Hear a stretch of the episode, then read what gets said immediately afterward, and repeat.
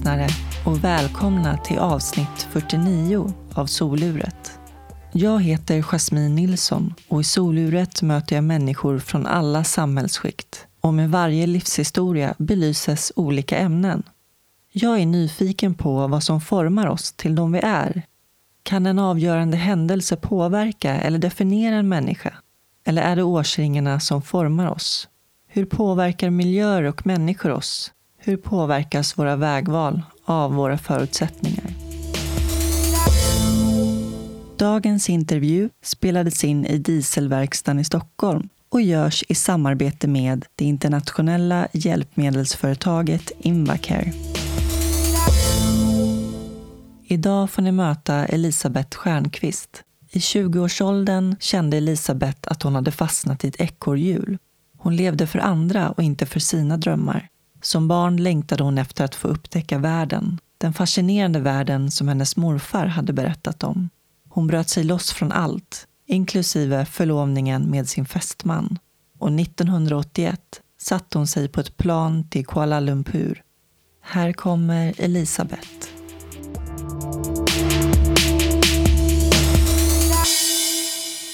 Välkommen till Soluret, Elisabeth. Tack så mycket, Jasmin. Trevligt att vara här. Hur är läget? Bara bra. Jag läste någonstans att du har bed and breakfast. Har du det fortfarande? Jajamensan. Efter att eh, jag hade varit familjehem så ja, då blev min dröm att ha ett bed and breakfast. För det så var det när jag reste mycket tidigare. Att jag hade en så här, ah, men det här skulle jag vilja göra någon gång. Och under två år så har jag faktiskt haft 300 besökande och ja, från 30 olika länder. Så det är en verklig, det är trevligt. Spännande mm. och härligt med möten med ja. alla människor från olika kulturer. Jag älskar människor. Vart någonstans bor du? Jag bor i Tyresö, mm. Trollbäcken. Mm. Är det huset på kullen då? Jajamensan. Jajamän.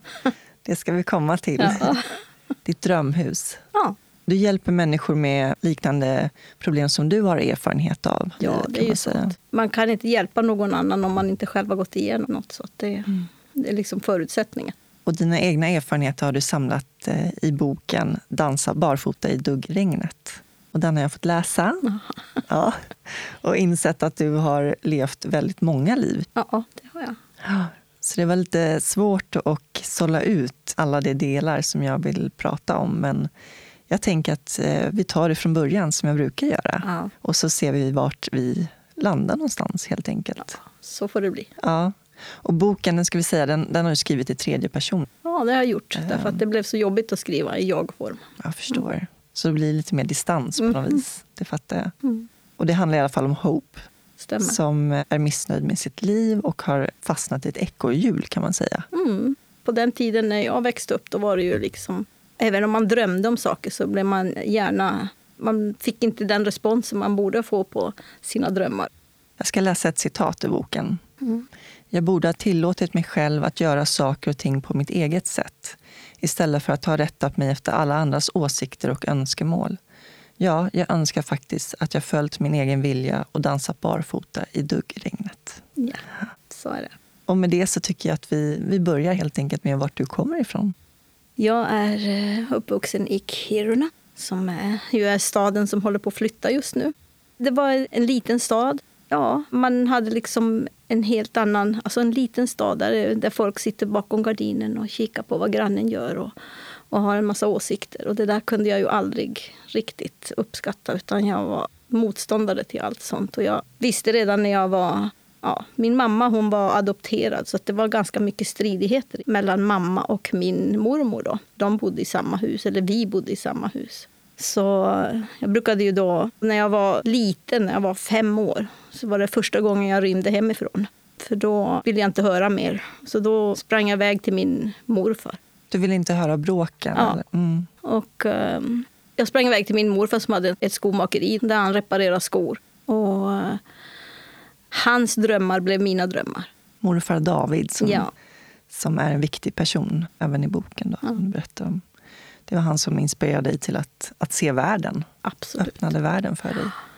Han sa det att, i hemlighet, för det vågar man ju inte säga på den tiden. Så det var hans hemlighet till mig att när jag blir pensionär, då ska jag åka jorden runt. Vad var det för historia som han berättade som inspirerade dig så, så mycket? På den tiden så, så var det ju människor som hade emigrerat till USA. Då. Och då var det ju någon, någon morbror till honom som hade packat kistan och åkt till USA. Så det var hans dröm. Som liten så bodde han nere i Småland. Och där han hade kommit ihåg när den här båten hade åkt iväg. Och det var någonting som han själv ville göra. Och pappa Kjell han var lokförare? Det stämmer, ja. Mm. Sen skrev du också att din mamma Karin är en av de modigaste kvinnorna som du har träffat. Mm. Men jag har förstått att ni har haft en ganska komplex relation. Ja, min mamma hon var adopterad som sagt. Och det var ju sånt som inte hon förstod hon hade ju liksom levt ända sedan hon var två år, blev hon bortadopterad då. Och på den tiden så berättade man inte ens för sina barn att de var adopterade. Utan det var en, någonting som hon första gången förstod när hon var 15 år, när de sa åt henne att gå och öppna dörren därför att det var någon som skulle ringa på. Och då, där utanför stod hennes bror. Det var då hon fick ögonblicket som hade kommit att hon skulle förstå att det var inte hennes mamma och pappa. Ja, det är tufft. Ja. Hennes pappa omkom i en sprängolycka i gruvan i Kiruna. Så därför kunde hennes mamma inte ta hand om de fyra barnen. Så allihopa blev bortadopterade. Då. De var inte lika informerade då, på den tiden, Nej. som man är idag. Då. Det är klart att sånt satte ju spår i min mamma. när hon... Det är väl en av de saker som, eh, som jag har förstått nu när jag börjar bli äldre. Ja, man går igenom sitt liv och man, man kommer till insikter. Och jag kommer faktiskt ihåg den gången som... Alltså kommer ihåg det är liksom svårt att säga. Jag kan inte komma ihåg på det sättet som vi berättar normalt det som hände min första dag i livet. Men eh, det har kommit till mig genom förmodligen berättelser som jag har fått till mig senare. Då. Genom min mamma. Då. Att när hon bar in mig i sina armar till det som skulle bli mitt hem då, så träffade hon sin mamma och hon sa åt henne att tänk att du skulle få en sån fin. Och det var liksom ett hat som var henne. Det är ju inte hat, utan det var ju hennes eh, bedrövelse över att jag inte själv har kunnat få några egna barn. Jag var tvungen att förlåta min, min mormor för det när jag var över 50 år. Mm. Och det var en, det är en befrielse. Jag förstår det. Mm. Men du rymde hemifrån när du var fem mm. år. Hur hanterade du det som barn? Att liksom hela tiden ha den där längtan bort hemifrån? Ja, alltså det, min mamma och pappa var, vi hade en bra familj. Det var liksom de här känslorna som, som gjorde att det blev konflikter och sånt. Men annars så hade vi, vi hade en fin familj. så. På den tiden så var det mycket det här att man försökte... Och nu kommer vi vidare till min mormor igen då, för att vi bodde ju i samma hus. Och uh, när man är liten och får, negativa, får negativ inspiration kan man väl säga, så uh, sätter det sig i allting som vi är. Alltså vi får med det här i ryggraden. Så att det är någonting som vi bär med oss hela livet. Och jag kommer ihåg då att min mormor sa till mig en kväll då att kom här, kom här, titta här. Titta ut genom fönstret där. Ser du din kompis där nere? Ser du hur det lyser i hennes rum? Hon kommer att gå långt i livet. Inte som du. Du kommer aldrig att bli någonting. Och det här har jag ju fått kliva över och kämpa mig igenom varenda gång jag har haft ett nytt projekt. För jag har ju inte medvetet tänkt det, men det finns i kroppen. Och Det känns ganska skönt idag att ha känt igen det. Därför att jag kan be det att flytta på sig. Mm. Det var ju inte av elakhet, Nej. utan det var ju ja, välvilja. Ska jag fråga dig också när du föddes? Jag föddes 1955, eh, den 31 maj. Vad hade du för drömmar som barn? Jag tror nog att jag fantiserade om det på samma sätt som alla andra barn. Alltså man är väldigt man tar upp andras idéer. Och det var ju allting. Det var flygvärdinna och alla de här sakerna. Men det handlade alltid på något sätt om att, att resa. Just. Vad gick du för gymnasium? Ja, jag gick gymnasiet och um, lärde mig först till ritare. Ja, jag ritade kartor helt enkelt. På Aha. den tiden innan datorerna. innan datorerna tog över. Det är det där med att resa igen, det liksom genomsyrar allting. Ja, Sen så, jag hade en, en ögonoperation när jag var i 20-årsåldern. Så att, eh, jag kunde inte fortsätta med det yrket. Så jag fick eh, utbilda mig till kontorsadministratör istället. Vad var det för ögonsjukdom? Ja, det var ju så att när jag var liten så var jag skelögd. Och eh, på den tiden så sa man då att ja, men det där kommer att växa bort. Så det, det är ingenting vi kan göra någonting åt. Det var inte någonting som man tänkte på. Men sen så när jag utbildade mig så började mitt öga att vandra omkring i huvudet på mig. Jag gick till en ögonläkare som sa att ja, men det här kan vi nog eh, rätta till med olika raster som de skulle sätta på glasögonen. Men det gick ju inte. Men det var ju svårt för mig att ta ett beslut om att jag skulle... Hon sa omskola dig. Och det var svårt när man precis hade blivit någonting då. Ja, absolut. Det måste varit en sorg. Jag höll på med det där i nästan ett år, men till slut så insåg jag att nej, det där var nog inget. Jag måste nog omskola mig. Då gick jag tillbaka till den här och då hade hon slutat en vecka innan den här läkaren. Så där satt en ny läkare och sa, nej men det där opererar vi. Men man var ganska godtrogen på den tiden. Man trodde på vad läkarna sa. Liksom, ja, men det kommer säkert ordna sig. Så jag lät ju den här eh, läkaren göra den här operationen. Och det visade sig att efter hon hade gjort den här så det tog ju jättelång tid. När jag tittade, tog bort det här bandaget så hade jag, en, hade jag ett rött geléöga där inne. Som, och när jag gick tillbaka till henne och sa då att jag kan inte gå och jobba med det här. Så sa hon. Och då förstod hon att hon hade gjort ett misstag. Men eh, hon sa det är ingenting fel på ditt öga, det är i huvudet det är fel på dig. Okay. Så det var en, en sån där period i mitt liv som jag kanske inte pratar så mycket om just, men eh, det, jag är ju en sån här, så jag ger ju aldrig upp. Nej. Jag tror jag skrev till 20 olika läkare. Alltså inom läkarkåren, då var det ju så att man höll varandra om ryggen så att man inte skulle lämna ut någon annan. Det blev i alla fall så att en kväll väldigt sent så fick jag ett telefonsamtal av en läkare som jag hade skrivit till. Och eh, han sa, det här är inte någon officiell, att jag ringer till dig. Man ska berätta för dig vad som har hänt. Och det är att de har gjort en operation på dig som man gör på små barn. På små barn är det ingen fara därför att kroppen växer hela tiden och den rättar till sig. I ditt fall så vet man inte hur länge det här kommer att pågå. Det kan vara så att det pågår i två år eller ett helt liv. Det är ingen som vet. Men eh, det finns ingenting jag kan göra. Och det var ju så att jag kunde inte köra bil för att när jag satt på passagerarsidan i en bil så kändes det som den mötande trafiken körde rakt över mig. Så att jag hade ju totalt fel. Jag hade ingen uppfattning alls om. Och det höll på i två år. Men sen så började det att avta och då hade jag redan hunnit omskola mig. Och hur kändes det att gå igenom det här och behöva tänka om helt kring vad du skulle göra? Alltså det var ju... Det är svårt att beskriva vad man känner när man är i en sån situation. Men, mm. men det var någonting som man var tvungen att gå igenom. Och man gjorde det därför att man måste. Och nu är jag bara jätteglad över att, att jag valde det yrke som jag gjorde. För det är det som har hjälpt mig att kunna arbeta i andra länder också. Men jag tänkte hoppa till eh, när du tar steget och eh, tar dig ut i världen. Mm. Du var missnöjd med, med tillvaron. Ja, alltså det kändes ju som... Jag kunde inte riktigt sätta fingret på vad det var för någonting. Jag brukar säga när jag beskriver det att ena morgonen så var jag arg därför att det var mulet ute och nästa dag så var jag arg för att solen sken för mycket. Så att det var liksom ingenting som jag kunde säga att det här är jag arg för. Utan det var bara en känsla av att jag ville inte vara med om det här. Det var liksom någonting som saknades. Jag mådde inte bra med mig själv. Ja. Och du hade fastnat i det här ekorrhjulet och kände att nej, det är inte så här mitt liv ska vara. Nej. Och så hade jag ett tandläkarbesök då. Så där satt jag hos tandläkaren och så säger den här eh, att nej, han är, han är försenad så det kommer få vänta. Nej, det här var inte roligt. Jag ska sitta här i det här väntrummet och bara sitta och vänta på att någon ska peta mig i munnen. Liksom. Så jag började röja runt på det där bordet där de hade en massa tidningar och sånt som jag absolut normalt sett inte läste alls. Men så hittade jag då en tidning där jag helt plötsligt slog upp en sida och där stod det då att den här resan kan man köpa för att åka runt världen. Och det var precis som pang i mitt huvud. Ja, men det här är ju jag. Och det var liksom, jag bara la ner tidningen, gick ut ifrån tandläkaren. och eh, bestämde mig att nu måste det hända. Det här, det här måste jag göra. Jag läste också om din morbror och moster mm. som kom på besök från Venezuela.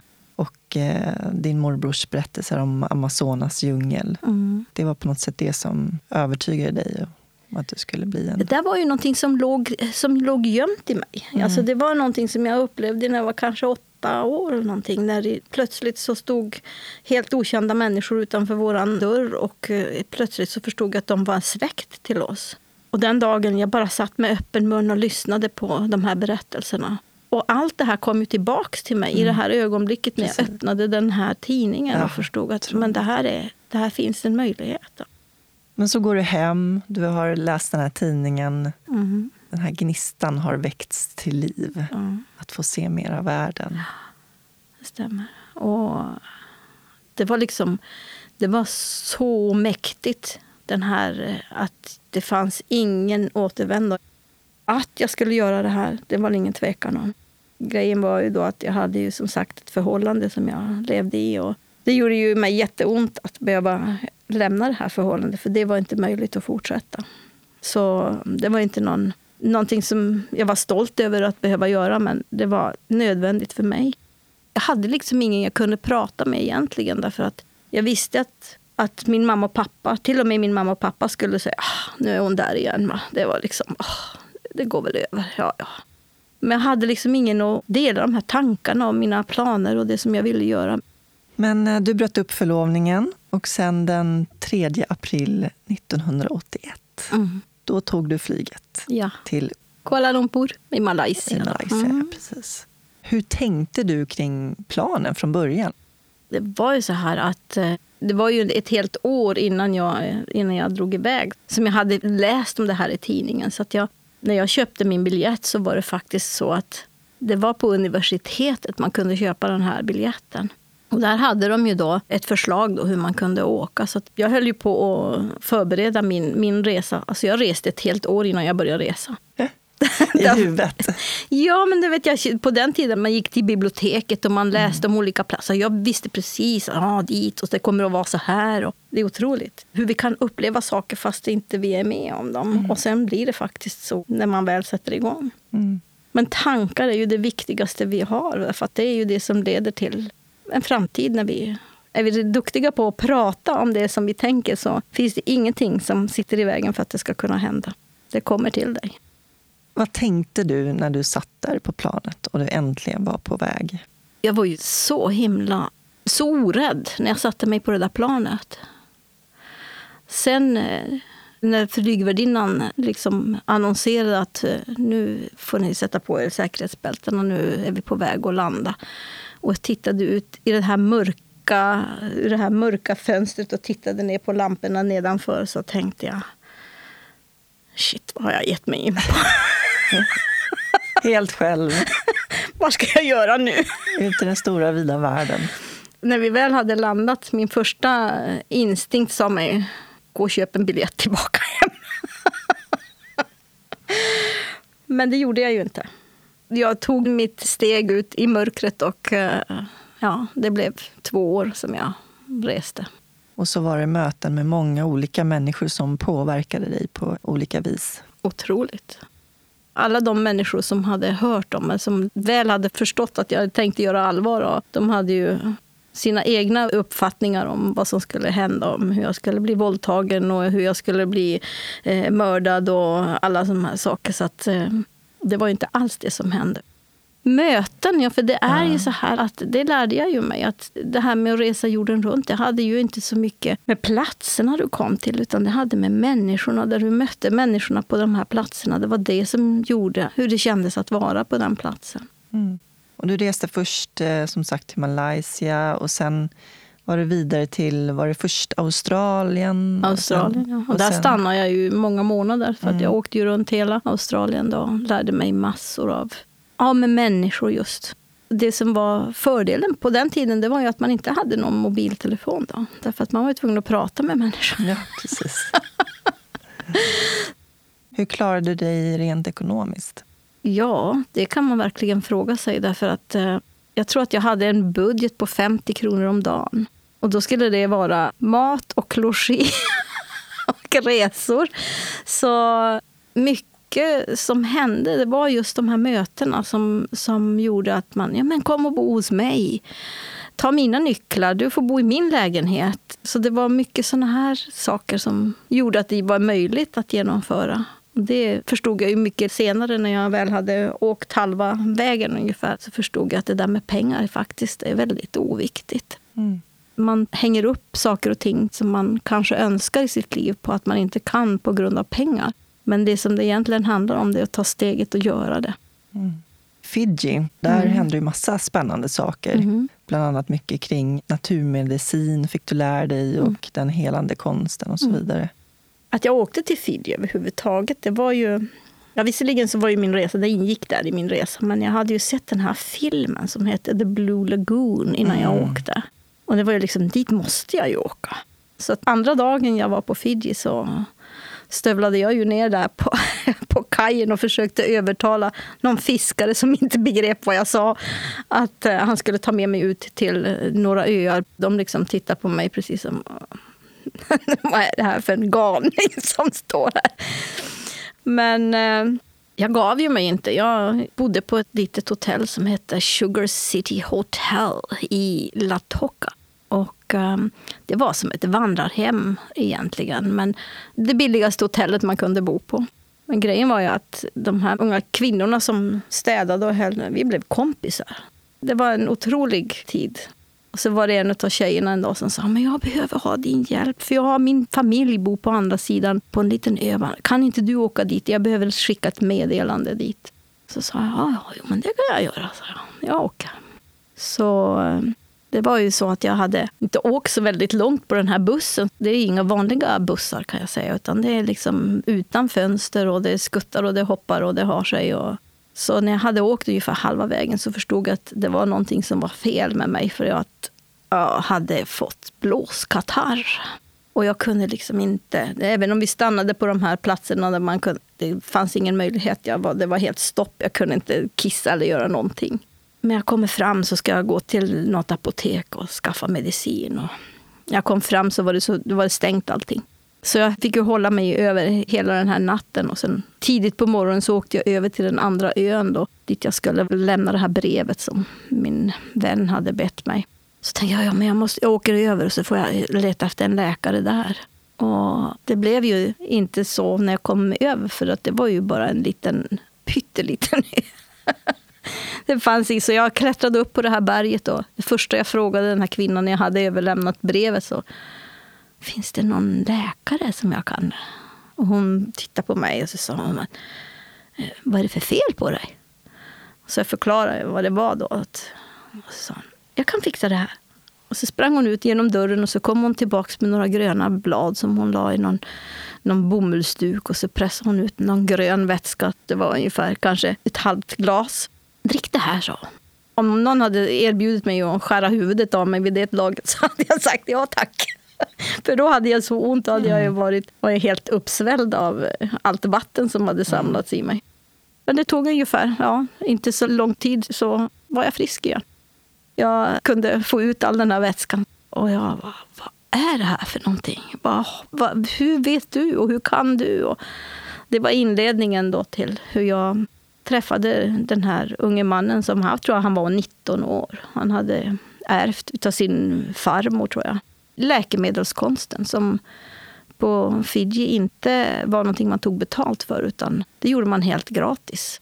Och han lärde mig massa saker om han kunde gå med genom trädgården med mig och säga ja, det där fröna gör man det med och den där blomsterbladen gör man det och barken det gör man så med. Och det var en otrolig upplevelse. Jag var med om en av de absolut mest underliga situationerna. Det var den kvinnan som jag bodde hos. Hennes pojke hade fått hade blivit sparkad när han hade spelat fotboll. De trodde att han hade brutit ett reben. Så han hostade hela tiden. Hela nätterna igenom så hostade han. Så sa han, men jag, vet, jag har skickat efter en, en kokosnöt från norra ön. Och så kom den här kokosnöten. Då. Hon hade ju flera barn, så hon delade ut och alla skulle dricka ur den här kokosnöten. Så sa jag, men var det inte bara han som var sjuk? Ja, men det gör ingenting. Om de inte har någonting, då, då kissar de bara ut det. Det är ingen fara. Är de sjuka så blir de friska. Jaha, okej. Okay. Och det mest underliga, den, den natten när de hade gett den här lilla killen, han var väl kanske åtta år, och sånt där, den här eh, kokosnöten att dricka.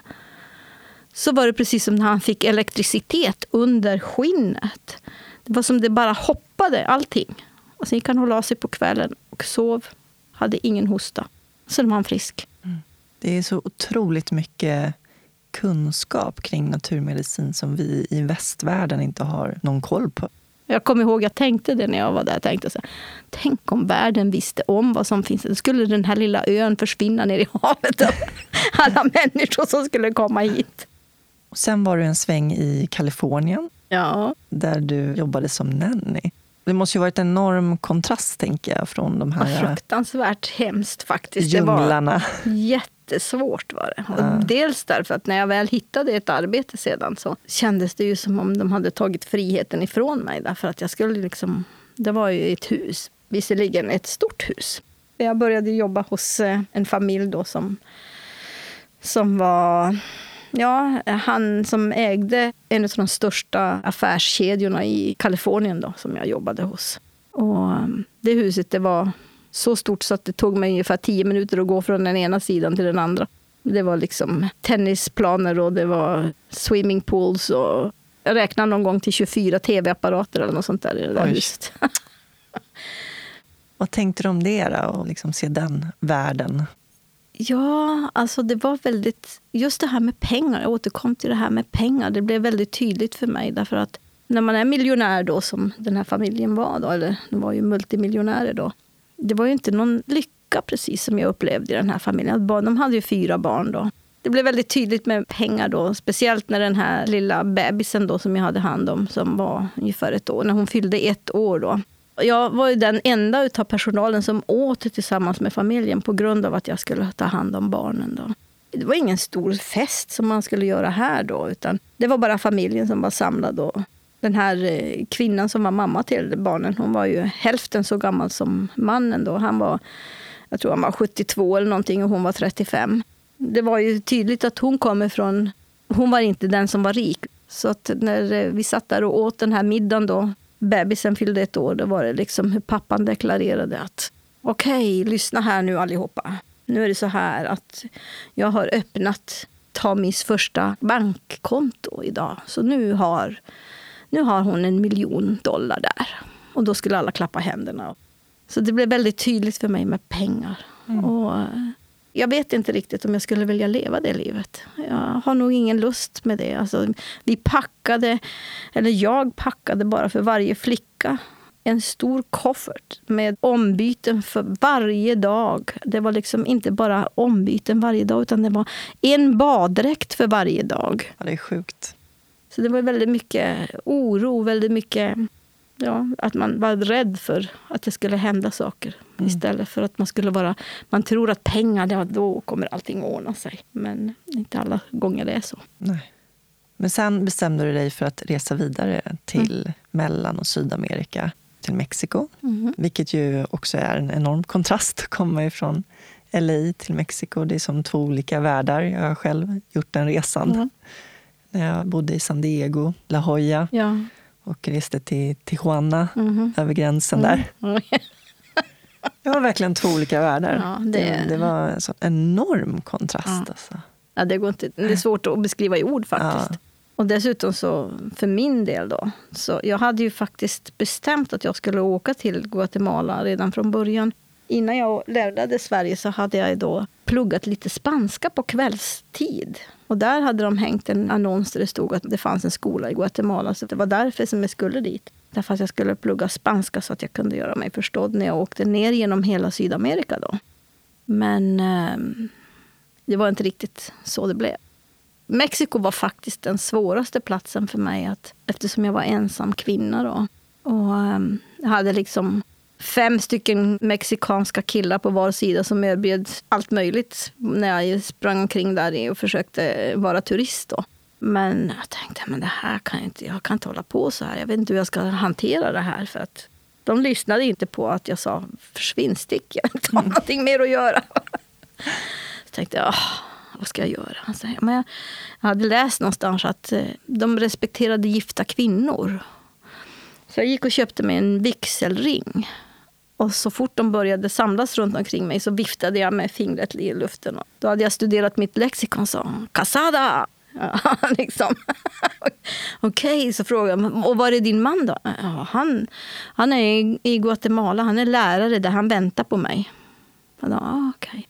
Så det tog mig ju genom Mexiko. Då. Vad jag inte riktigt hade koll på vid det läget, det var att jag tog ett steg in i Guatemala och träffade min man som var lärare. Exakt. ja, det är otroligt. Alltså. Mm.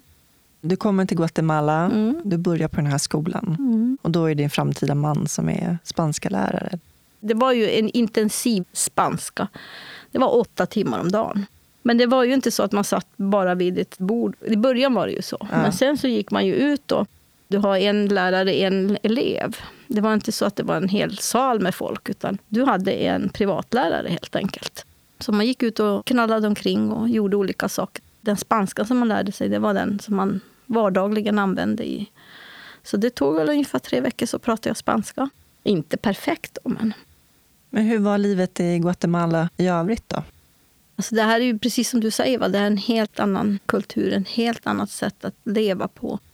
Det är också så här att när man kommer som turist till en plats så är det inte samma sak som när man bosätter sig. Det fick jag ju erfara senare då. Men jag upplevde ju att folk var väldigt eh, vänliga och snälla. Och, ja, det var genuint kan man säga. Alltid glada människor runt omkring. Det som egentligen jag aldrig såg under den där tiden, det var ju deras verkliga jag. Därför att eh, det här var ju också på 80-talet. Det var ju fortfarande gerillaverksamhet i, i landet och folk vågade ju inte prata öppet om det som verkligen var bekymmer och sånt. Det fick man ju inte höra för det var ingen som vågade säga någonting om det. Och kidnappningar var väl också vanligt? Ja, på den tiden mellan ja, 500-600 kidnappningar per år och då var det mycket utlänningar som var... Sånt visste jag inte på den tiden. Nej. Fast det var ju curfew, så du kunde ju inte gå ut efter en viss tid på kvällen och så. Jaha, vilken tid då? Jag tror att det var åtta på kvällen. Men jag gick ut ändå. Jag, fatt, jag fattar ju inte det.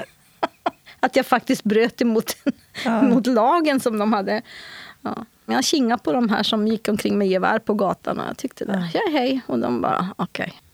Och så var det ju alltid musik på gatan under dagtid. Det var alltid någonting som hände. Men man såg också de här som var fattiga också. Mm. Ja, indianerna då som gick omkring och sålde saker. Och uteliggarna som låg på mm. gatorna. Och... När jag var i Indien, jag var, kommer aldrig glömma bort den resan. När jag var tio år och mm. fick se liksom, fattigdomen så mm. nära.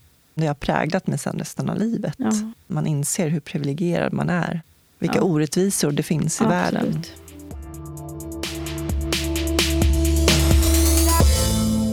Nu sitter jag här med min samarbetspartner Invacare och framför mig har jag Patrik. Hej! Hur är läget med dig? Det är bra. Härligt att höra. Vad gör du för någonting här? Jag är servicetekniker och servar ja, alla hjälpmedel, men framför allt elrullstolar. Men det är inte det jag ska prata om. Nej, berätta. Vad är det du ska prata om? Jag ska prata om vad man kan göra med sin rullator för att det ska funka bättre. Och kanske framför allt nu inför vintern. Då. Vad kan man göra? Ja, för det första så kan man ju kolla så att hjulen snurrar någorlunda lätt. Eller om de inte gör det, försöka göra rent kullager och det. Och även pumpa, om det är så att den har pumpningsbara hjul, att man pumpar dem. Annars går det tungt. Är det många som slarvar med det? Nu är det inte så många rullatorer som har pumpningsbara hjul, men det är nog många som slarvar med att underhålla sin rullator. Vad har du mer för tips? Sen har jag på? tips att man inte ska ha så mycket grejer i korgen. Det är rätt tungt att lyfta en rullator över trottoarkanter och det man har massa grejer i korgen. Och när man går med käppar och grejer då har man en liten kasse. När man får en rullator då fyller man hela korgen med ja. grejer. så och sen inte kanske, storshoppa? Nej, inte storshoppa. Och sen likadant kanske ställa in rullatorn i duschen, duscha av den. Den tål vatten. Man kan duscha av den så att den håller sig ren och fräsch. Så håller det säkert längre. Och även då kolla så att bromsarna tar jämnt när man går. Att det tar lika mycket på höger och vänster sida. Och även att parkeringsbromsen funkar. Att när man ställer den i parkeringsläge, att den bromsar. Så att den inte rullar ifrån den. Och även kolla då om du har några spärrar till sitsen. Att spärren är hel.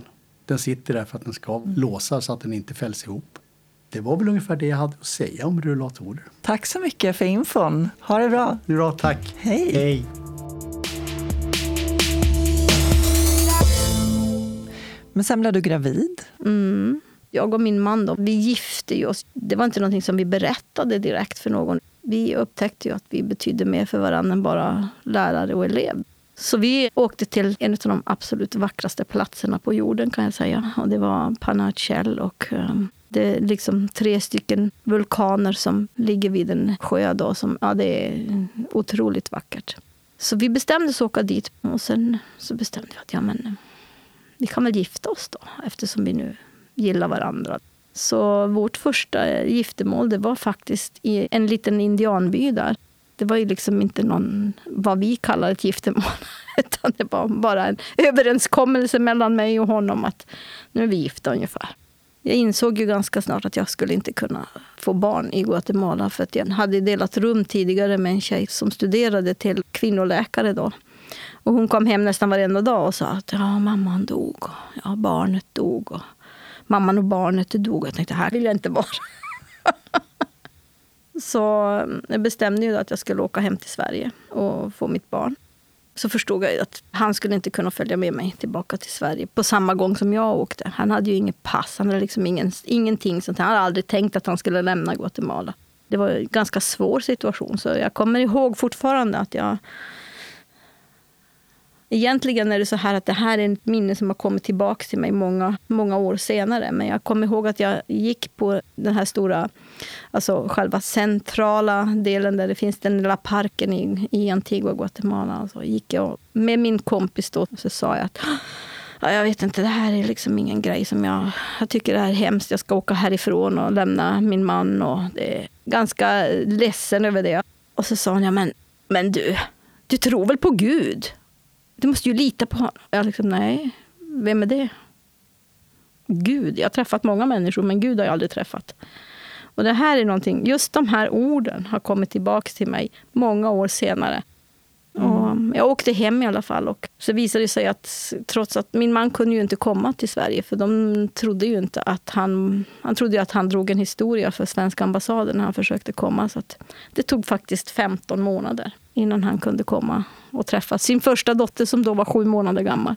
När han väl kom till Sverige så gifte vi oss på riktigt. Då, så att, eh, då gjorde vi det ordentligt. För då gick vi till Svenska kyrkan och sen gjorde vi det lite senare när jag hade fått min tredje dotter. Så. Alla barnen föddes i Sverige? Alla barnen föddes i Sverige. Men sen bestämde ni er för att eh, åka tillbaka till Guatemala? Ja, det gick ju några år. Då. Min mellersta tjej var fem år när vi åkte på semester till Guatemala. Det var ju mest för att på den tiden fanns det inte någon möjlighet att hålla kontakt med familjen. Han saknade ju sin familj. Så vi bestämde oss åka på semester dit. Jag hade ju egentligen aldrig velat lämna Guatemala. Det var ju att jag blev gravid som gjorde att jag lämnade Guatemala. Så, att, så vi bestämde oss att flytta tillbaka till Guatemala. Och då flyttade faktiskt hela familjen. Min mamma och pappa följde med. Så det var ett jättestort steg att ta. Särskilt för dina föräldrar, tänker jag också, när man är i den åldern. Att ja ta det steget. Men sen började det hända lite saker. Mm. Det visade sig också att din, din man hade lite problem mm. med alkohol. Och... och just det här med att, med att komma tillbaka till en kultur som man har varit ifrån så pass länge. Han har ju precis varit på semester. Och han träffade sina gamla kompisar. Och mycket när man träffar gamla kompisar det var ju liksom att ta en öl och han var ju liksom hjälte. Han hade ju bott utomlands. Alla ville ha kontakt med honom. Kom igen nu, vi ska ta en sväng på stan. Och det blev väldigt mycket då. Det var då det eskalerade? Ja, det eskalerade. Mm. Och hur hanterade du det då? Ja, hur hanterade jag det? Det blev en väldigt katastrofal situation egentligen i mitt liv. Därför att jag kunde ju inte riktigt... Jag var ju orolig hela tiden över vad som hände och förstod inte riktigt hur jag skulle hantera den här situationen. Så jag kommer ihåg en gång som jag... För han var ju ute hela nätterna då ibland. Och jag kunde inte sova för att jag visste inte vad som, vad som var på gång. Så jag gick ut och letade efter honom och det var en massa såna här... Ja, som, det var en helt annan sida av honom som jag aldrig hade sett förut. Och jag försökte prata med honom då. att Det här går inte. Du måste försöka hjälpa mig att förstå hur vi ska komma som alla människor som är beroende av någonting. För det hade ju blivit ett beroende då. Så var det så, nej men det är inget fel på mig, jag är som jag alltid har varit. Och till slut så, det blev mm. inget bra. Ja, man har ju ingen självinsikt och förnekar nej, det totalt. Nej. Mm. Vad jag förstod senare, det var ju just det här med passiv, aggressiv. När han slog ifrån sig, det var ju det var ingenting som var fel. Utan ingen kunde se det i hans ögon. Det var ju liksom bara någonting jag hade hittat på. Så det blev ju inte så där jättebra. Helt plötsligt så förlorade jag min livskamrat. Och jag stod i ett främmande land med en massa problem. Och det... När vi flyttade dit så hade jag ju en klar bild över att jag skulle öppna mitt eget företag och jag visste precis vad jag skulle göra. Under den här första tiden som vi var där så var mitt projekt som jag hade tänkt. Det var så många som var intresserade av det här. Så att det blev nästan hela den här lilla staden, alla utlänningar som bodde där. Och det var en plats där många utlänningar bor. Därför att det här är ju Antigua Guatemala är, ja, det var kolonialhuvudstaden för Latinamerika. Det var ju där spanjorerna kom under 1500-talet och tog över. Så mycket av de här byggnaderna och så, de får man inte röra. Och det är just det som gjort att den här staden är så speciell. Alla gamla ruiner och allting sånt där står kvar. Mm. Det här var ju 90-talet nästan då. Att leta efter en plats där man kunde ha ett företag, då behövde man ju ha en telefon. Det fanns inga telefonlinjer. Bytelefonen. Ja, att vi hittade det här eh, huset som faktiskt hade en, en telefon, det var ju underverk. Men eh, vad vi inte riktigt förstod då, det var ju att det fanns en baktanke hos den personen som hyrde ut huset till mig. Då. Eftersom det blev en sån stor sak att alla ville delta i det här så var jag tvungen att bygga om det här huset på insidan. Så jag frågade ju den här kvinnan då, som var ägare om inte hon kunde hjälpa mig så att jag skulle få göra. Jo, men det är inga problem. Det är klart att vi ska göra det. Så hon var ju där nästan varje dag och pekade. Ja, men det här är helt okej. Och så kan du göra så här och så här. Den dagen som jag skulle öppna min verksamhet så kom hon med stadens domare och sa att jag hade förstört hela byggnaden för henne. Och eh, hon trodde att jag hade mycket mer pengar än vad jag hade. Så hennes avsikt var ju att försöka få så mycket pengar som möjligt från mig. Men jag hade ju inga pengar kvar. För att efter hon hade gjort sin ride i mitt liv så slutade det med 25 öre i handen ungefär. Plus att jag hade en stämningsansökan på mig. De kunde arrestera mig på öppen gata. Det var det hon såg till att, att göra i mitt liv. Och um, det blev ju så att jag var tvungen att... Alltså ingen vill hamna i ett fängelse i Guatemala kanske. För Nej, det, är ett, det är ett svart hål i väggen. Mm. Du kommer inte ut därifrån. Mm. Så jag var tvungen att gömma mig. Och ensamstående med tre barn. Mm. Och den som tog hand om mig då, det var min mans mamma. Så det var min svärmor som såg till att mitt liv kunde fortsätta att fungera som undangömd. Hon såg till att jag kunde bo på en plats där jag inte behövde gå ut. Och um, någon som hjälpte mig och tog barnen till skolan. Då. Men min man och jag kunde inte ha någon kontakt alls överhuvudtaget. Så där, där bodde jag i över ett år undangömd i ett rum som var kanske tre gånger två meter. Som husarrest? Ja, ungefär. och det var så mycket plats att man kunde få plats med en säng. En vanlig enkelsäng. Och eh, där låg jag med min sjuka dotter som hade astma. Och eh, på natten så rullade vi ut en madrass på golvet där mina andra två tjejer låg skavfötters och sov varje natt. Så det var ett annorlunda liv kan jag säga än det som var vi hade tänkt oss. Ja, verkligen. Ja. Många historier om just det här med hur sjuk min dotter var som mm. hade astma. Och hon var på väg att dö tre gånger under den här tiden. Och jag hade ju inte pengar ens till medicin till henne. Så det var kämpigt. Mm. Ja, det var många rörande situationer där som du beskrev i boken. Där hon var nära på att dö. Och det här var ju en ohållbar situation mm. som ni befann er i. Mm. Jag inser ju idag, efter att ha haft många människor som har bott hos mig som har varit i chockartade situationer, att jag själv hade posttraumatiskt syndrom när jag bodde i den här. För att så fort någon hade hjälpt mig att ta döttrarna till eh, skolan på morgonen så var det precis som de hade gett mig en spruta och jag sov hela dagen. Jag kunde inte göra något, jag kunde inte tänka, jag kunde inte göra Jag var helt Mm. Som om de hade bedövat mig. Apatisk. Apatisk, ja. Mm. Ända tills jag hörde deras röster, då satte jag mig upp och då var jag som normalt igen. Mm. För jag var tvungen att vara. För att det var ju mina döttrar. Jag var ja. tvungen att... Hur gamla var de under den här tiden? Ja, de hade precis börjat skolan. Så de var ju mellan sju och tio. Sen hände det ju en massa grejer med maffia och allt möjligt som blev inblandade i hela den här äh, konflikten med den här kvinnan då, som hade gjort den här anmälan mot dig. Ja, alltså det var ju så egentligen att ingen av oss hade ju förstått det, att den här kvinnan, hon hade ju varit med om en Alltså hon hade alltid haft en svår situation i sitt eget liv givetvis. För det är ju alltid så. Men de som är riktigt bedrövliga, det har alltid en bas någonstans. Och det var ju det som hon hade upplevt. Och, och eh, hennes hela existens berodde på hur hon kunde hämnas på människor som hade gjort henne illa. Då. Hon hade jobbat hos en advokat i den här lilla stan. Eh, där de hade ägnat sig åt att stjäla mark ifrån den indianska människorna som hade mark. De kom dit och fick hjälp för att skriva kontrakt och så att de kunde bevisa hur mycket mark de ägde. Men i själva verket så snodde de åt sig en del av den här marken och det var pengar som hon kunde fiffla undan på något sätt. Och vad vi inte visste det var väl att eh, den man som hon eh, hade sina barn med hon var ansvarig för att ta död på honom. För Han hade försökt gå tillbaka till sin gamla familj som han hade. Och det var någonting som hon inte kunde klara. Så hon såg till att eh, skjuta honom i det hus som vi bodde i. Med hjälp av sin bror, som hon senare fick ur fängelset på bara några månader. Med hjälp av sina maffiakontakter då, som hon hade. Och det var ju ingen av oss hade kunnat föreställa oss att vi hade hamnat i den här situationen. Men eh, det var där vi var. Och det är egentligen någonting som jag har förstått nu, långt senare, att allt det här, det var liksom kulmen som skulle göra att mitt liv blev helt annorlunda. Att eh, jag skulle kunna gå ur den här situationen och bli den absolut lyckligaste människan som man kan bli. Mm. Därför att när vi hamnar i en sån här återvändsgränd i livet.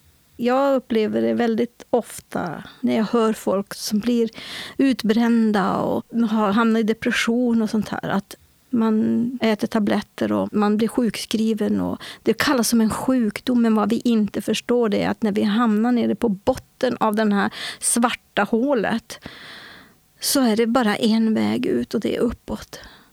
Och det är någonting som jag vill dela med människor i mitt liv. att när vi hamnar där så är det därför att vi är på väg att hitta oss själva.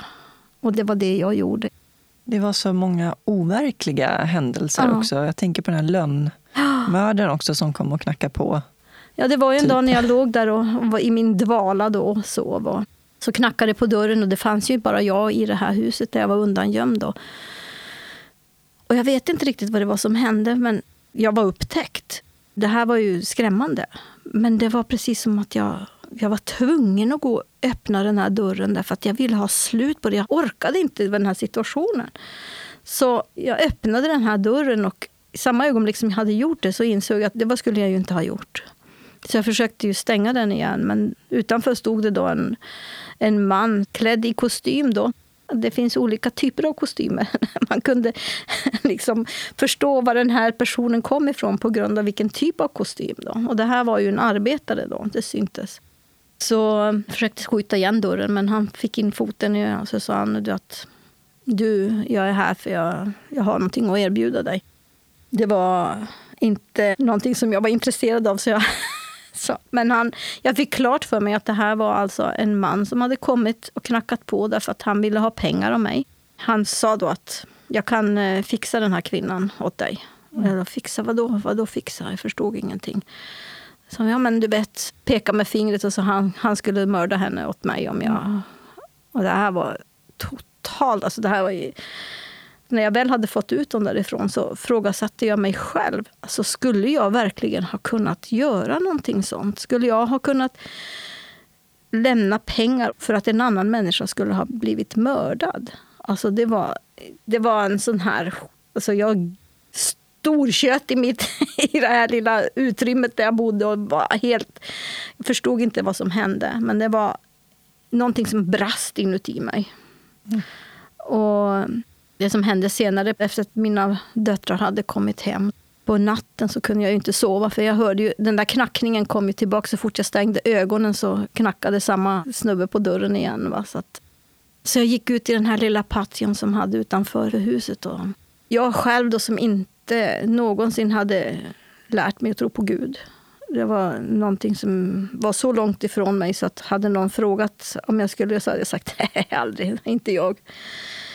Men där gick jag ut på natten då och liksom utmanade Gud att Hej, kom igen om du nu finns. Hallå, ser du mig eller? Och liksom stod där och stirrade upp i natthimlen och som om förväntade mig att stjärnorna skulle skriva något meddelande på himlen.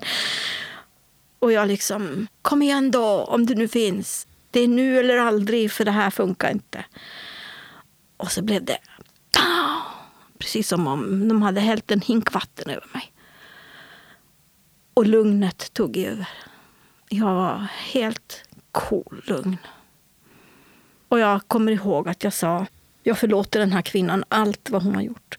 Imorgon så kommer jag lämna den här platsen. Jag kommer gå ut och leta ett arbete. Och om någonting ska hända så är det du som får se till att ta hand om mig. Så jag lämnade mitt liv i Guds händer i det ögonblicket. Och sen gick jag in och sov. Och vaknade nästa morgon. Och trallade upp ur sängen och tog på mig mina gamla kläder och gick ut på byn där jag inte hade varit under ett helt år. Och någonting märkligt som hände då, att det var att det som jag en gång hade startat, som skulle bli mitt företag. Jag kunde gå där på gatan och säga, åh, kolla de tog upp den där grejen som jag hade tänkt. Var bra. Jag var inte ens eh, arg därför att jag inte själv var del utav det. Jag var lycklig för att, wow, de gjorde någonting utav det som inte jag lyckades med. Och sen dess har mitt liv aldrig blivit detsamma. detsamma. Mm. Under den här perioden som kom efter att det hade hänt så kom hon ju in i det här huset där vi bodde. Och jag kommer ihåg när jag öppnade dörren en gång. Hon stod utanför och så sa hon Ja, ja, du har tre vackra döttrar. Det vore väl ganska hemskt om det hände någonting. Hon var så full av hat att hon hade inga, hon hade inga begränsningar. Men sen efter sju år mm. så reste du tillbaka? Då reste jag tillbaka till Sverige. Mm. Och det var ju också ett sånt... Jag, är en sån där, jag säger ju aldrig nej till saker nej. och ting. Utan jag, jag balanserar alltid längst ut på kanten på klippan. Där, där befinner jag mig. Mm. Så när jag väl gör någonting så, ja men okej, då, då ska vi göra så. Men dina föräldrar var kvar? Mina föräldrar Och din man kvar. hade du inte sett på väldigt Nej, länge? Vi hade ingen, vi hade ju, jag brukade köra dit mina döttrar ibland så att de skulle få träffa pappa ungefär. Men det var liksom ett avslutat kapitel kan man säga. Vi, vi bråkade inte med varandra utan det var bara, det bara tog slut. Vi kunde mm. inte längre. Men att jag skulle åka hem, det var ju därför att jag hade ju faktiskt arbetat i tre olika företag. Och varje gång som företaget var på väg att komma någon vart så var det ja men tack så mycket, det var fint att du var här men nu behöver du inte komma någon mer. Nej, det var inte riktigt det som var min grej utan jag ville ju jag ville ju ha en typ av den säkerhet som vi har här. Att det är ju jag som ska välja om jag vill byta arbete, inte den som, som anställde mig som ska säga hej då. Men efter tre gånger som jag hade, och då hade jag ju faktiskt provat på att vara helt arbetslös i nio månader. Då hade jag bestämt att antingen så skulle jag åka till Costa Rica eller så skulle jag åka till Sverige. Så jag frågade mina döttrar vad ville de åka. Så då var det Sverige. Så då sålde jag min gamla bil då så fick jag några få kronor då för den här och slängde mig på ett plan till Stockholm. Och mamma och pappa sa, men lämna tjejerna här. Du måste ju fixa någon, någonstans att bo i alla fall. Snacka om att man kommer till en ny kultur. Jag hade glömt till och med att de här ljusa kvällarna. Jag menar, jag är uppfödd i Norrland där vi har ljus hela natten. Men jag hade glömt det. Liksom att det blev inte mörkt på kvällen. Så jag kom hit till Stockholm hade 500 kronor på fickan. Och jag tog in på ett vandrarhem. Så jag var tvungen att kontakta de sociala myndigheterna för att få hjälp. Så det var det första jag gjorde när jag kom till Stockholm. Och blev jättefint behandlad och omhändertagen på det sättet att eh, de såg till att jag hade någonstans att bo. Och det var ju då ett eh, hem för drogande och alkoholiserade kvinnor som jag blev hänvisad att bo på. Och jag var ju supertacksam för det här det roligaste av allt det var ju hur saker och ting som låter hemskt när man säger det var så fantastiskt. För det här den här platsen som jag kom till, den var helt nyrenoverad. Det luktade målarfärg, det var fint och det var god mat och trevliga människor. Den enda person som kom till den här platsen fick ett eget rum, det var jag. Men där bodde jag i fem veckor och jag var nog den person som de aldrig hade haft på det här stället förut. För jag frågade om jag ska söka jobb, var, var ska jag gå nu? Vad har ni för några förslag att ge? Och de bara tittade på mig med stora ögon. Jaha, det här är inte riktigt det de är vana de frågor som vi brukar få. Men eh, jag hittade ju en... Eh, alltså de sa till mig att ja, men Arbetsförmedlingen, det är gammalt. Nu har vi såna här privata bolag. Du kan gå till Manpower och till Proffice. Okej, okay. så jag gick ut på stan och liksom... Ja, Hur var gammal var du vid det här laget? Jag var 42 som vanligt, vi svenskar har faktiskt en förmåga att se allting i mörker jämfört med andra. Så att nej, åh, i Sverige det finns inga jobb, det är svårt. Så kom jag ut på stan i Stockholm och där stod det folk och sa vi har intervjuer här inne. De liksom öppna armar kom in. Så det tog ungefär, jag bodde på den här platsen under fem veckor. Men det var mycket som hände under de fem veckorna därför att jag blev intervjuad för ett jobb och några dagar senare så ringde båda bolagen samma dag och erbjöd mig. Så sa jag, kan jag ta båda? Så sa nej, jag får välja ett. För jag var ju van att jobba ja, mellan 12 till 15 timmar per dag i utlandet. Så nu hade jag jobbat i sju år. Mm. För att kunna försörja oss överhuvudtaget. För man betalade privatskolor och sånt i Just. utlandet. Och sen så skulle jag ju då hitta någonstans att bo. Och det roligaste med det, det var att när jag hade åkt hem till Stockholm, jag såg en kvinna som hade gått på samma plan som mig i Guatemala. Så hon och jag hamnade på sista planet från Amsterdam till Stockholm. Strax innan vi skulle landa på Arlanda så, så frågade jag du, vet du, vad tycker du man ska bo när man kommer till Stockholm? Tyresö tror jag är ett bra plats. Så när jag kom till det här stället så sa jag till en av personalen att nu kommer man till Tyresö? Så hon hjälpte mig då att kunna komma till Tyresö. Så jag, när jag kom av bussen då, när jag kom till Tyresö centrum, så stod det bostadsförmedling. Det var det första ord jag läste när jag kom av bussen. Så jag gick upp då på Tyresö bostäder och så sa jag hej, jag ska ha en lägenhet. Och den här receptionisten tittade upp och sa jaha, jaha, varsågod och sitt ner. kan fylla i de här papperna. Jag såg hennes frågande blick. Jag fick jag det här pappret och så skulle man då fylla i allting. Jag hade inte ens en adress. Jag fick ta min, min faster som jag visste bodde i Stockholm. Så jag skrev hennes adress. Och så kom man till frågan, hur mycket är din årsinkomst? Jag, sa, jag ska starta eget, 300 000 ungefär. Så jag skrev, alltså jag hade inga skrupler, jag hade ingenting som stoppade mig. Jag gav det här pappret och sa, kan jag gå och titta på en lägenhet nu? Och den här kvinnan, ett ögonblick, jag ska ringa in till de som brukar visa lägenheter. Och så ringde hon in och kom det ut en kvinna där och så sa, jaha, eh, vad kan jag stå till tjänst med? Ja, men jag tänker när jag ändå är här, kan jag inte gå och titta på de lägenheterna som finns? Ja, det är inte riktigt så det går till, sa hon. Vi eh, brukar faktiskt eh, ta en del upplysningar om personen som... Men äh, det är ju sommar. Vi har två lägenheter som är lediga, så vi kan åka och titta på dem. Och när vi kom tillbaka så ja, det är den här lägenheten jag vill ha.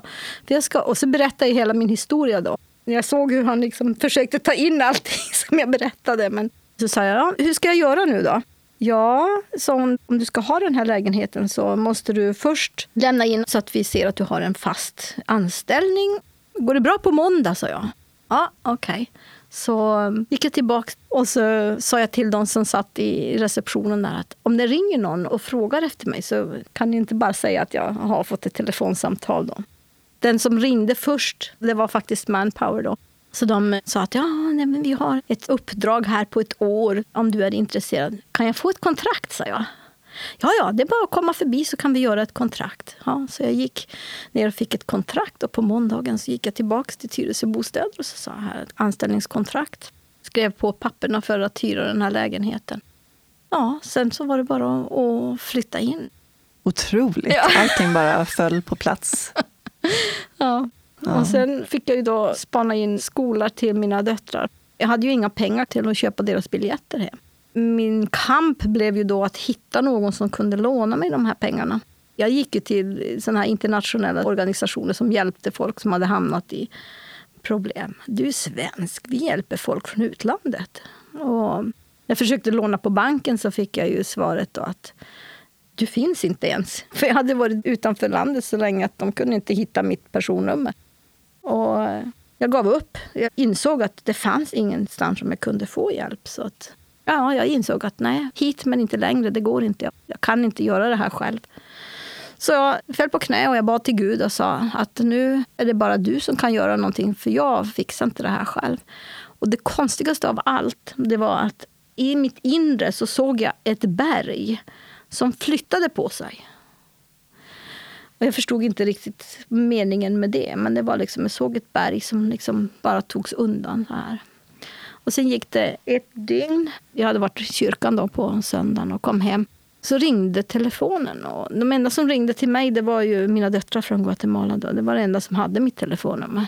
Men när jag svarade och sa hej, hur har ni det? Så var det en helt annan person. Och det var en missionär som vi hade träffat i Guatemala som var vän med min mamma och pappa. Han och hans familj hade åkt tillbaka till Sverige strax innan jag åkte. Och han liksom sa, hej, det är Pelle, tjena. Hur har du det? Och jag berättade. Och så sa jag, min största grej just nu det är ju att jag kan inte få hem mina ungar så att de kan börja skolan i tid. Ja, det är därför jag ringer till dig. Vad har du för kontonummer? Jag sätter in pengarna till dig imorgon. Och en vecka senare så var mina flickor här. Mm. Fantastiskt. Att de kom hit, det var ju bara otroligt att se dem efter att inte haft kontakt på tre månader. Det var ju den längsta tiden som jag inte hade sett dem någon gång en dag på min arbetsplats så, så hände någonting underligt. Jag hörde någon som pratade om att de hade ont i tänderna. Och jag tänkte så där i mitt stilla, åh, vilken tur att jag hann göra i ordning mina tänder innan jag åkte hem till Sverige. Och så tog det en vecka efter det så satt jag i lunchrummet på den plats jag jobbade på och bet i en mikrad potatis och kände hur någonting bara knakade till i munnen. Och jag bara, oh, vad var det där för någonting? Så jag går ut i, och tittar mig i spegeln och så ser jag en gammal tant med en sjuårings leende för jag hade tappat min ena framtand. Det var helt kall. Jag visste inte vad jag skulle göra. Bara, vad är det här för någonting? Och hur kan det här hända mig? Och liksom bara full med allt sånt där som man, det här kommer inte att funka. Jag har inga pengar och det var allting sånt här då. Så vad som hände därefter det var ju att varje morgon när jag hade meditationsstund med Gud så var jag jätteupprörd. Och när jag säger att Gud pratade, är ju liksom att du får en vision i ditt huvud. Och det enda som jag hörde, det var Guatemala. Och jag fattade ingenting. Alltså, Vadå Guatemala? Vad ska jag göra med Guatemala? Jag gick till en tandläkare som gjorde en sån här provisorisk lagning och sa, jag har inga tider. Jag förklarade för honom hur dåligt ställt jag hade så att han kunde inte göra någonting. Han sa, prova tre månader. Så. Och under den här tiden så kom jag i alla fall på att jag skulle nog åka till Guatemala och fixa min tand. Det hade varit billigare att göra det där. Så jag bestämde mig för att åka dit. Men vad som kom till som inte jag hade planerat, det var ju att min mellersta dotter sa, kan du ta med det här brevet till pappa? Jag träffade ju min man igen och tio dagar senare så kom jag tillbaka och berättade för mina döttrar att pappa skulle komma tillbaka och vi skulle gifta oss igen. Mm. Hade han klarat sig ur missbruket då? Ja, det var ju liksom... Hans liv blev ju också satt i ett annat perspektiv helt och hållet. För han hade ju inte sett barnen då på Nej. många år. Ja.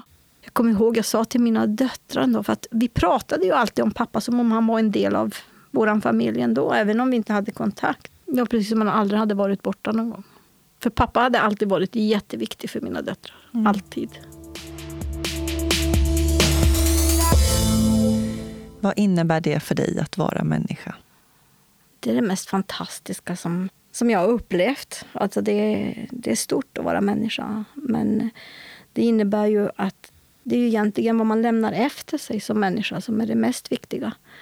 Och mitt uppdrag i det här livet är, är att ge hopp och tro till människor. Att våga leva det liv som som kanske inte är helt klart, men att precis därför som jag har titeln till den här boken, att våga dansa barfota i duggregnet. Tror du på ett liv efter detta? Absolut. Vad betyder frihet för dig? Att vakna på morgonen och veta att vad jag än tar mig för så är det inte jag som håller i ratten, utan det är Gud som har mig som passagerare. Jag behöver inte vara orolig, för jag är en sån här som hittar på saker hela tiden. Men det är han som tar tag i saker och rättar upp det när det blir fel. När grät du senast? Jag gråter ganska ofta, men mest... Alltså, jag gråter bara där jag är riktigt glad. Jag är emotionellt absolut helt... jag är en riktig gråtare. men ofta därför att jag, jag blir träffad inuti mig själv, i min själ av något ord eller någon någonting som gör att jag blir väldigt berörd. Vad gör dig arg? Jag försöker att inte bli arg, men det är klart att man kan bli upprörd över saker som händer. Och det är väl när man behandlar människor felaktigt. Däremot så försöker jag hjälpa människor att förstå att När vi blir felbehandlade av andra människor så har det inte med oss att göra utan det har med den personen som ger ut sin egen ilska eller försvarar sig på något sätt. Att man förstår och behålla sitt eget lugn och inte ta på sig det som inte man behöver ta på sig. Vad gör dig lycklig? Jag skulle vilja säga leva. Vad drömmer du om? Om jag drömmer om att, eh, att få hjälpa andra människor att bli lika lycklig som jag. Sen har jag några lite enklare antingen eller-frågor också. Okay. Kaffe eller te? Kaffe. Bok eller film? Den var svår. Mm, film. Kött eller grönsaker? Mm, båda. Planering eller spontanitet? Spontanitet. Se eller, ja, det är en stor del av din personlighet. Det att vara spontan. Orädd är du verkligen. Ja. Det är så här, man kliver ut på den där kanten som jag säger. Att våga falla när du har någon som tar emot den, det är inte så farligt. Se eller höra? Höra. Ljus eller mörker? Ljus. Fort eller långsamt? Fort. Lyssna eller prata? Jag är en pratare, men jag tycker om att lyssna också. Tack så jättemycket Elisabeth för att du delade med dig av din fascinerande livshistoria. Ja, tack för att du orkade lyssna så länge.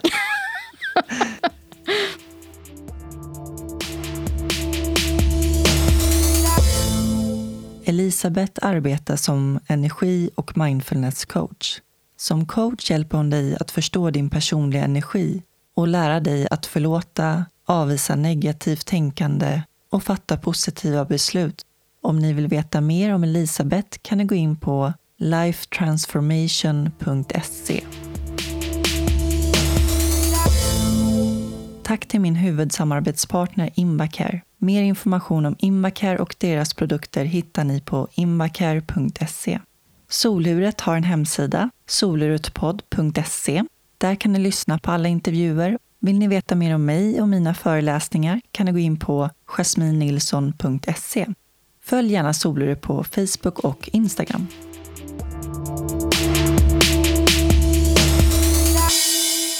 I nästa avsnitt får ni möta Lena Kjeld Palmer. Lena var 23 år gammal och småbarnsmamma när hon blev rullstolsburen. För Lena blev det viktigt att hitta tillbaka till sitt tidigare aktiva liv. Det var inte förrän Lena var 48 år gammal som hon vågade leva livet fullt ut. Nämligen när hon träffade kvinnan i sitt liv. Tack så mycket för att ni lyssnade och ta hand om varandra där ute. Puss och kram. Hej då!